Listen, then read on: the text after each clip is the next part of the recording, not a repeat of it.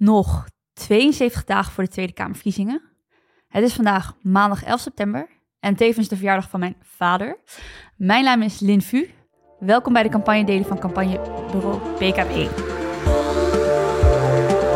Als je daarmee begint en vervolgens wel een richting aangeeft van... en dit zijn de harde maatregelen die wij wel gaan nemen... ik denk dat je daar wel kiezers mee aan je kan winnen. Elke dag hoor je van ons welke campagnemomenten in aanloop naar de Tweede uh, Kamerverkiezingen ertoe doen. En vandaag zit ik met uh, Maarten van Heems, een van de partners van BKB. Welkom, Goedemiddag Maarten. en gefeliciteerd. Dankjewel, dankjewel. Um, en ik zit hier met uh, Lotte Bouwman, GGZ-activist en schrijver. Welkom. Lotte, waar ging jouw campagne in Lijm de Zorg over? Um, dat was een protest tegen de crisis in de GGZ en met name de wachtlijsten. En de campagne was ook best succesvol. We hadden echt heel veel handtekeningen en ook een toezegging van de staatssecretaris. Alleen, het was één week voor corona. Um, dus ja, het is nog steeds crisis en eigenlijk een grotere crisis dan nooit. Nou, waar het ook crisis was, was de Partij voor de Dieren. Uh, ik kon namelijk mijn telefoon dit weekend niet meer wegleggen. Uh, afgelopen zaterdag werd bekend dat het bestuur van de Partij voor de Dieren, Esther Ouwehand, de huidige lijsttrekker van de partij, uh, niet opnieuw wilde voordragen vanwege vermeende integriteitsmeldingen. Um, uit betrouwbare bronnen hebben we ook te horen gekregen dat zij letterlijk vlak voordat het bericht eruit ging op ANP is geïnformeerd over, over dit feit. Dus eigenlijk is er echt keihard bijgenaaid.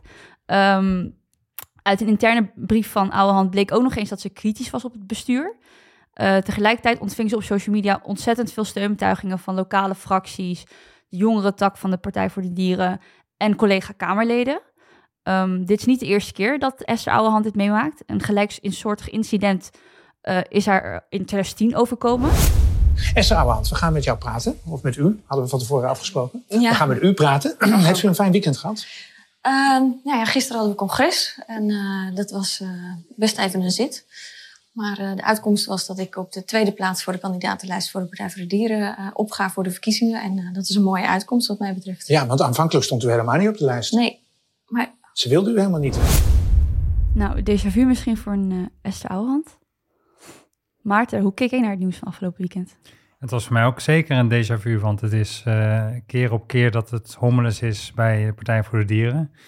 Ook dus al specifiek met uh, de positie van Esther Ouwehand, zoals je net, uh, ik geloof dat dit uit 2010 was, dit fragment. Toen ze niet door het bestuur op plek 2 werd gezet. Nou, nu wil het bestuur haar wegkrijgen van plek 1. ik ben heel benieuwd hoe het volgende week, volgend, dus het weekend van volgende week gaat op het congres. Of ze het dan kan kan rechtbreien. Aan de steun lijkt het niet te liggen, maar ik ben benieuwd of het überhaupt de statuten er ruimte voor geven dat ze alsnog um, terugkomt op die nummer 1 positie. Um, ik hoop het heel erg voor de supporters van de Partij voor de Dieren, maar uh, ja, ik ben benieuwd. Is dit een ordinaire machtsstrijd, Lotte? Ja, en dat is eigenlijk natuurlijk wat we de hele tijd zien in de politiek. En waar ik ook het idee heb dat mensen dan heel erg opspringen. Blijkbaar is het op Twitter, of hoe moeten we het tegenwoordig ook noemen, X, het hele weekend over gegaan. Ik open die app eigenlijk niet eens meer, omdat ik denk, waar gaat het eigenlijk over? Ik word er een beetje moe van. En het lijkt alsof in de politiek iedereen alleen maar macht wil. En ik denk, um, ik wil eigenlijk vooral politici die verantwoordelijkheid nemen. En zie je dat terug naar Esther Ouwehand, dat ze die verantwoordelijkheid wilt nemen? Of hoe, hoe zie jij die machtsstrijd? Waar tussen gaat het over? Nou, voor zover ik heb begrepen, gaat de machtsstrijd over een hypothetische discussie. Wat als de Partij voor de Dieren in de regering zou komen, zouden ze dan bepaalde standpunten wel of niet uh, daar een compromis over kunnen sluiten? Ja, die situatie is niet gaande. Um, ja. Nee, en uh, die strijd wordt vervolgens ook nog echt op de millimeter uitgevochten. Want als je terugkijkt, ik heb vanmorgen wat oudere interviews teruggelezen met uh, zowel Marianne Thieme, de voorganger van Esther Ouwehand, als Esther Ouwehand zelf. Nou ja, op het moment dat Esther Ouwehand het overneemt, eind 2019, dan benadrukt ze nog een keer dat zij echt niet wil afwijken van de partijstandpunten om mee te kunnen doen aan een regering. Dus je hebt het, uh, ja, elke partij voert een soort interne strijd, denk ik, tussen um, gaan we uh, voor de macht en moeten dus wat van onze idealen opofferen, of blijven erg trouw aan onze idealen, ook al kost dat ons deelname aan de macht. Nou ja, sommige partijen komen altijd uit bij het eerste, zoals CDA bijvoorbeeld, en andere partijen zijn er heel precies in, zoals bijvoorbeeld de Partij voor de Dieren. Dus ja, waar zij elkaar nu op bestrijden is inderdaad, zoals Lot al zegt, een hypothetische situatie, maar daarbinnen is die discussie ook nog echt op de vierkante millimeter. Want met staan volgens mij uit mijn hoofd met tien zetels in de peiling. Ik denk minder zelfs. Nou, minder nog. Ik denk wel dat ze daarop hebben gestaan. Nu de laatste twee weken staan ze in die gewogen peiling op zeven, zeg ik even uit mijn hoofd. Eentje meer dan de zes waarmee ze nu in de Kamer zitten. Ehm, en nou ja, dat is...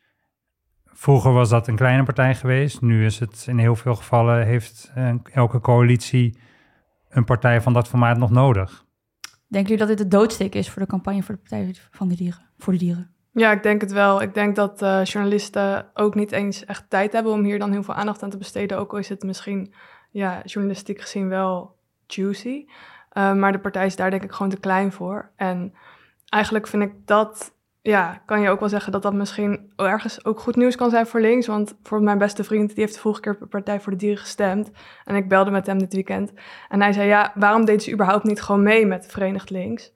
Um, ja, dat zal te maken hebben met dat vasthouden aan al die uh, dogma's.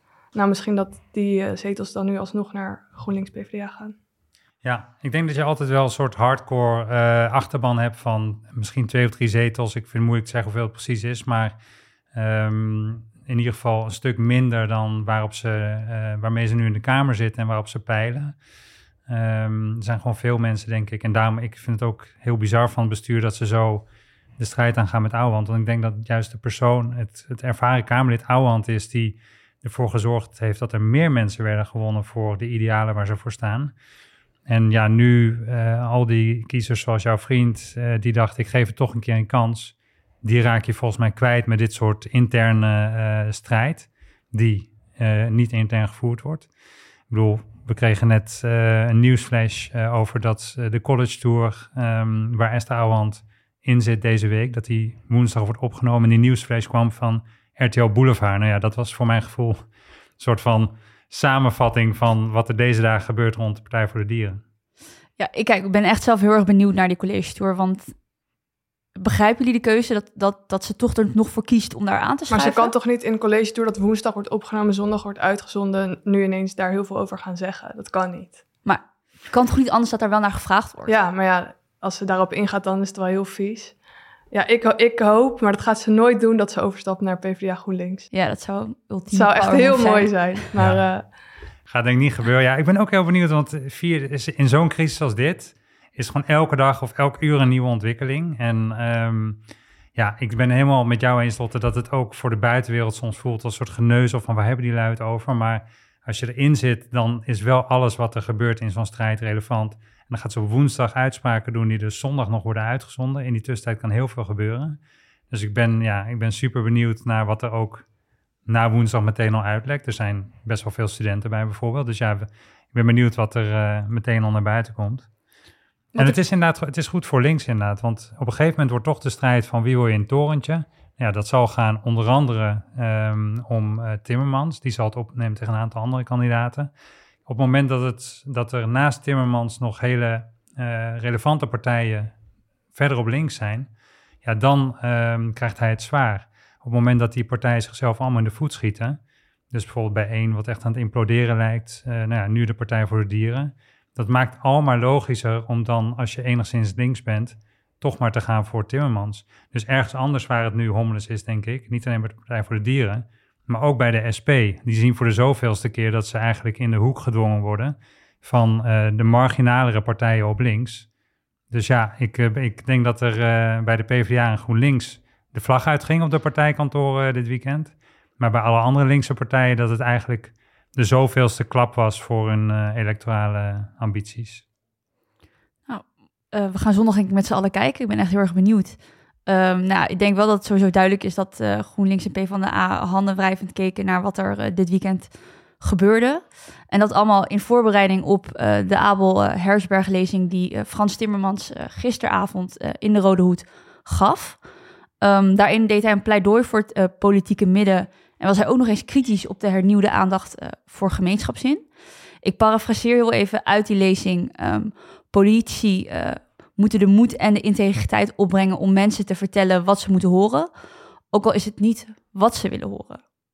Hoe ontvangen jullie de speech van uh, Frans Timmermans? Kijk heel veel lot aan. Nou, ik zat niet zoals sommige mensen in de IKEA met Erco deze speech te volgen. Dat was niet Maarten trouwens. Maar, uh, dus ik heb gewoon een samenvatting gelezen in de krant. En ik vond het eigenlijk wel interessant om te lezen hoe Timmermans nu zeg maar, zichzelf naar voren zet. Maar ik word er niet heel warm van. Waarom niet? Um, ik denk omdat ik wel behoefte heb aan een politicus die zegt waar het op staat. En ik denk dat bijvoorbeeld Omzicht dat op een best wel succesvolle manier doet. Ik ben het alleen niet eens met zijn standpunten. En ja, in mijn beleving is Timmermans gewoon nog iets te veel zichzelf aan terughouden. Omdat ze denk ik ook heel bang zijn om iets te veel de ene of de andere kant op te gaan. Terwijl ik denk dat heel veel mensen gewoon echt fucking boos zijn. En gewoon denken, het land werkt gewoon niet meer. En ja, links heeft toch wel ideeën om dat te veranderen. Maar waar blijven die ideeën en waar blijft een politicus die dat echt zegt? Oké, duidelijke woorden, Timmermans.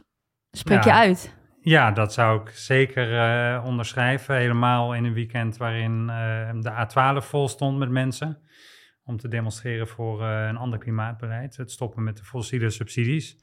Nou ja, ik begrijp dat die Abel Hersberg-lezing ook al heel lang gepland staat. Maar die was dan op één van de weekenddagen, op de andere weekenddag, uh, had misschien GroenLinks PvdA uh, vol op de A12 uh, kunnen gaan.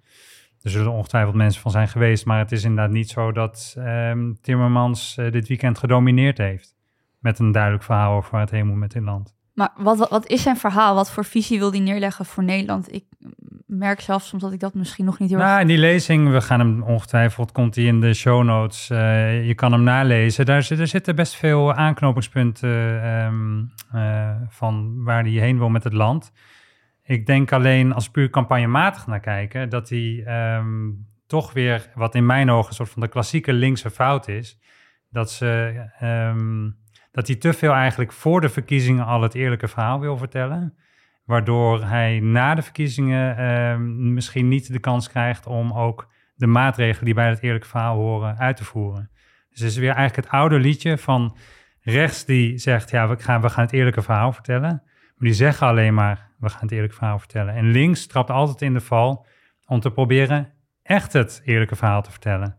En nu denkt misschien luisteraar misschien van, wacht even, heb ik niet, niet goed opgelet. Dit is toch drie keer dezelfde zin. Maar er is echt een, een soort een klein verschil, wat wel de crux is volgens mij, tussen hoe links en rechts campagnes voeren. Mensen willen niet horen dat ze moeten afzien voor een betere wereld ergens in de verre toekomst. Mensen willen horen dat ze zelf kunnen leven in een mooiere wereld. En dat is stevast het verschil tussen links en rechts. Rechts belooft dingen die het absoluut niet waar kan maken. En links vertelt te veel echt het eerlijke verhaal. Wat nodig is, ik bedoel, alles wat ik hoor van Timmermans, denk ik, ja, dat moeten we doen. Maar ik vraag me af of je daar de verkiezingen mee wint. Ja, ik ben het er toch niet helemaal mee eens. Want jij zegt van, uh, ze, moeten, ze vertellen te veel het eerlijke verhaal. En toch heb ik het idee dat dat niet helemaal het eerlijke verhaal is. En ik denk ook dat je wel uh, mensen aan je kan binden door nu te vertellen wat er aan de hand is, aangezien iedereen dat toch al merkt om zich heen. En ik las van het weekend een column waar ik het helemaal mee eens was. Die van Rosanne Hertberger was, dus dat is ook uh, first. Maar zij schreef van, we, er zijn politici die nu komen met dingen als gratis kinderopvangtoeslag, uh, terwijl de meeste kinderopvangen zitten vol. Het gaat over, ik las net in een partijprogramma, we willen uh, kennis over ADHD en autisme toevoegen aan het curriculum de scholen kunnen niet eens, uh, er zijn niet eens genoeg leraren om kinderen vier dagen naar school te brengen. En ik denk dat als je daarmee begint en vervolgens wel een richting aangeeft van, en dit zijn de harde maatregelen die wij wel gaan nemen, zodat die shit gewoon wordt opgelost, ik denk dat je daar wel kiezers mee aan je kan binden. Maar niemand doet dat. Dat, doet, dat doet Timmermans toch ook niet? Nou, um, nee, nee, in die lezing bijvoorbeeld niet. Nee, niet genoeg. Um, ik denk dat uh, kiezers wel uh, in zijn voor harde maatregelen, maar niet zozeer harde maatregelen die hen zelf betreffen. Kijk, als je zegt we gaan die tekorten oplossen in de zorg en in het onderwijs, en dat gaan we doen doordat u allemaal één dag in de week voor de klas gaat staan of aan het bed gaat staan, dan uh, vrees ik dat je er de verkiezingen niet mee wint. En volgens mij is dat ook überhaupt niet de oplossing.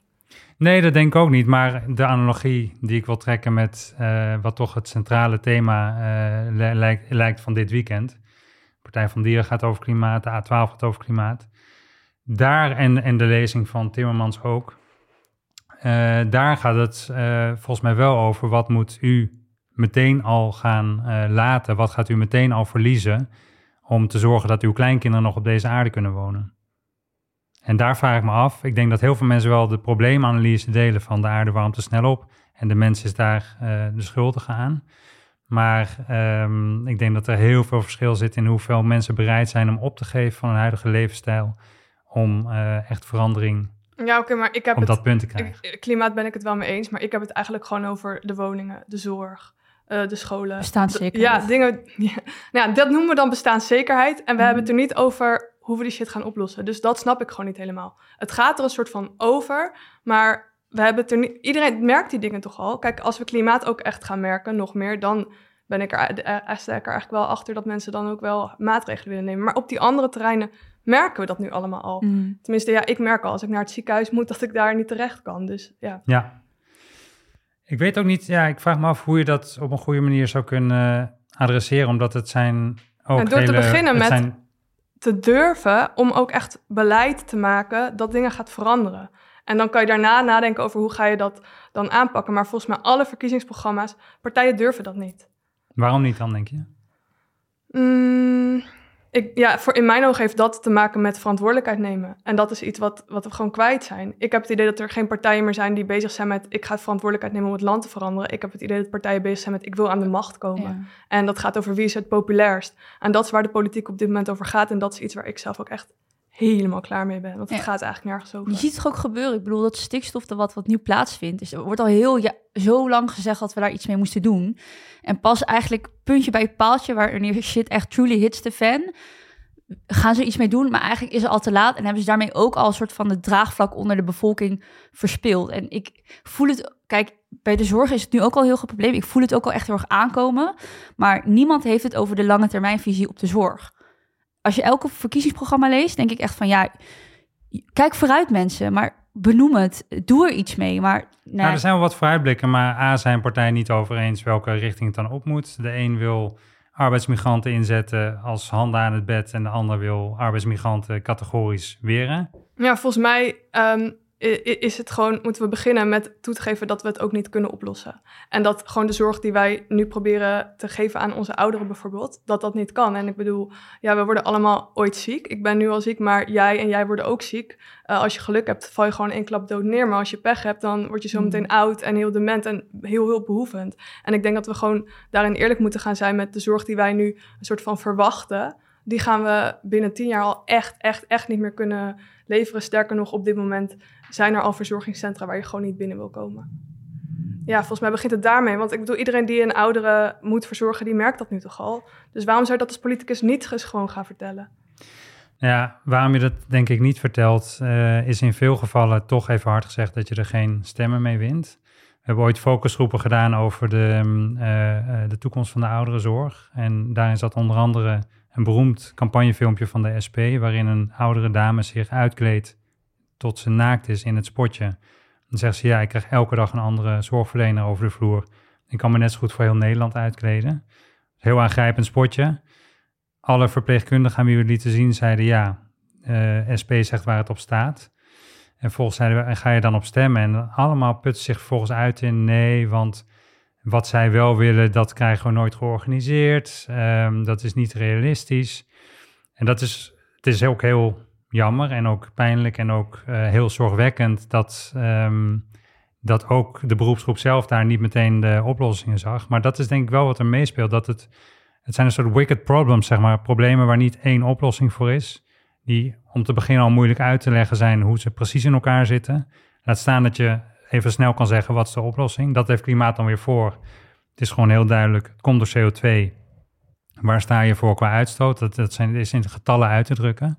Dat is bij de zorg alweer minder. Ja, volgens mij zijn in de zorg wel alle partijen het erover eens dat het bijvoorbeeld een probleem is hoe de zorg nu uh, gefinancierd wordt met de zorgverzekeraars. Dus wat, en zelfs de VVD is het daar voor een deel mee eens dat de markt denk ik, op deze manier niet werkt. We zijn er wel over eens dat het niet werkt, maar niet zozeer wat ze wel willen, toch? Nee, maar ik denk als, het, als we het er allemaal wel over eens zijn dat het niet werkt en we schrijven allemaal in onze partijprogramma's dat op, dan vind ik het echt heel erg dat er geen oplossing wordt geboden. En de zorg is een voorbeeld, maar volgens mij gebeurt dit bij alle onderwerpen waar mensen dagelijks mee te maken krijgen. En is dat de grootste reden dat mensen denken, ja. ja. Nou, dat, wat, dat mensen wat denken. Gaan jullie in Den Haag maar lekker ruzie maken over je interne machtsstrijd binnen je partij? Mij help je niet meer. Want ze zijn daar helemaal niet meer mee bezig. Volgens mij is dat het allergrootste probleem. En dat is denk ik ook waarom Omtzigt zoveel mensen aanspreekt. Omdat hij wel uh, een visie nu biedt hoe hij dat wil veranderen. Namelijk alleen de, de, de naam van zijn partij al, een nieuw sociaal contract.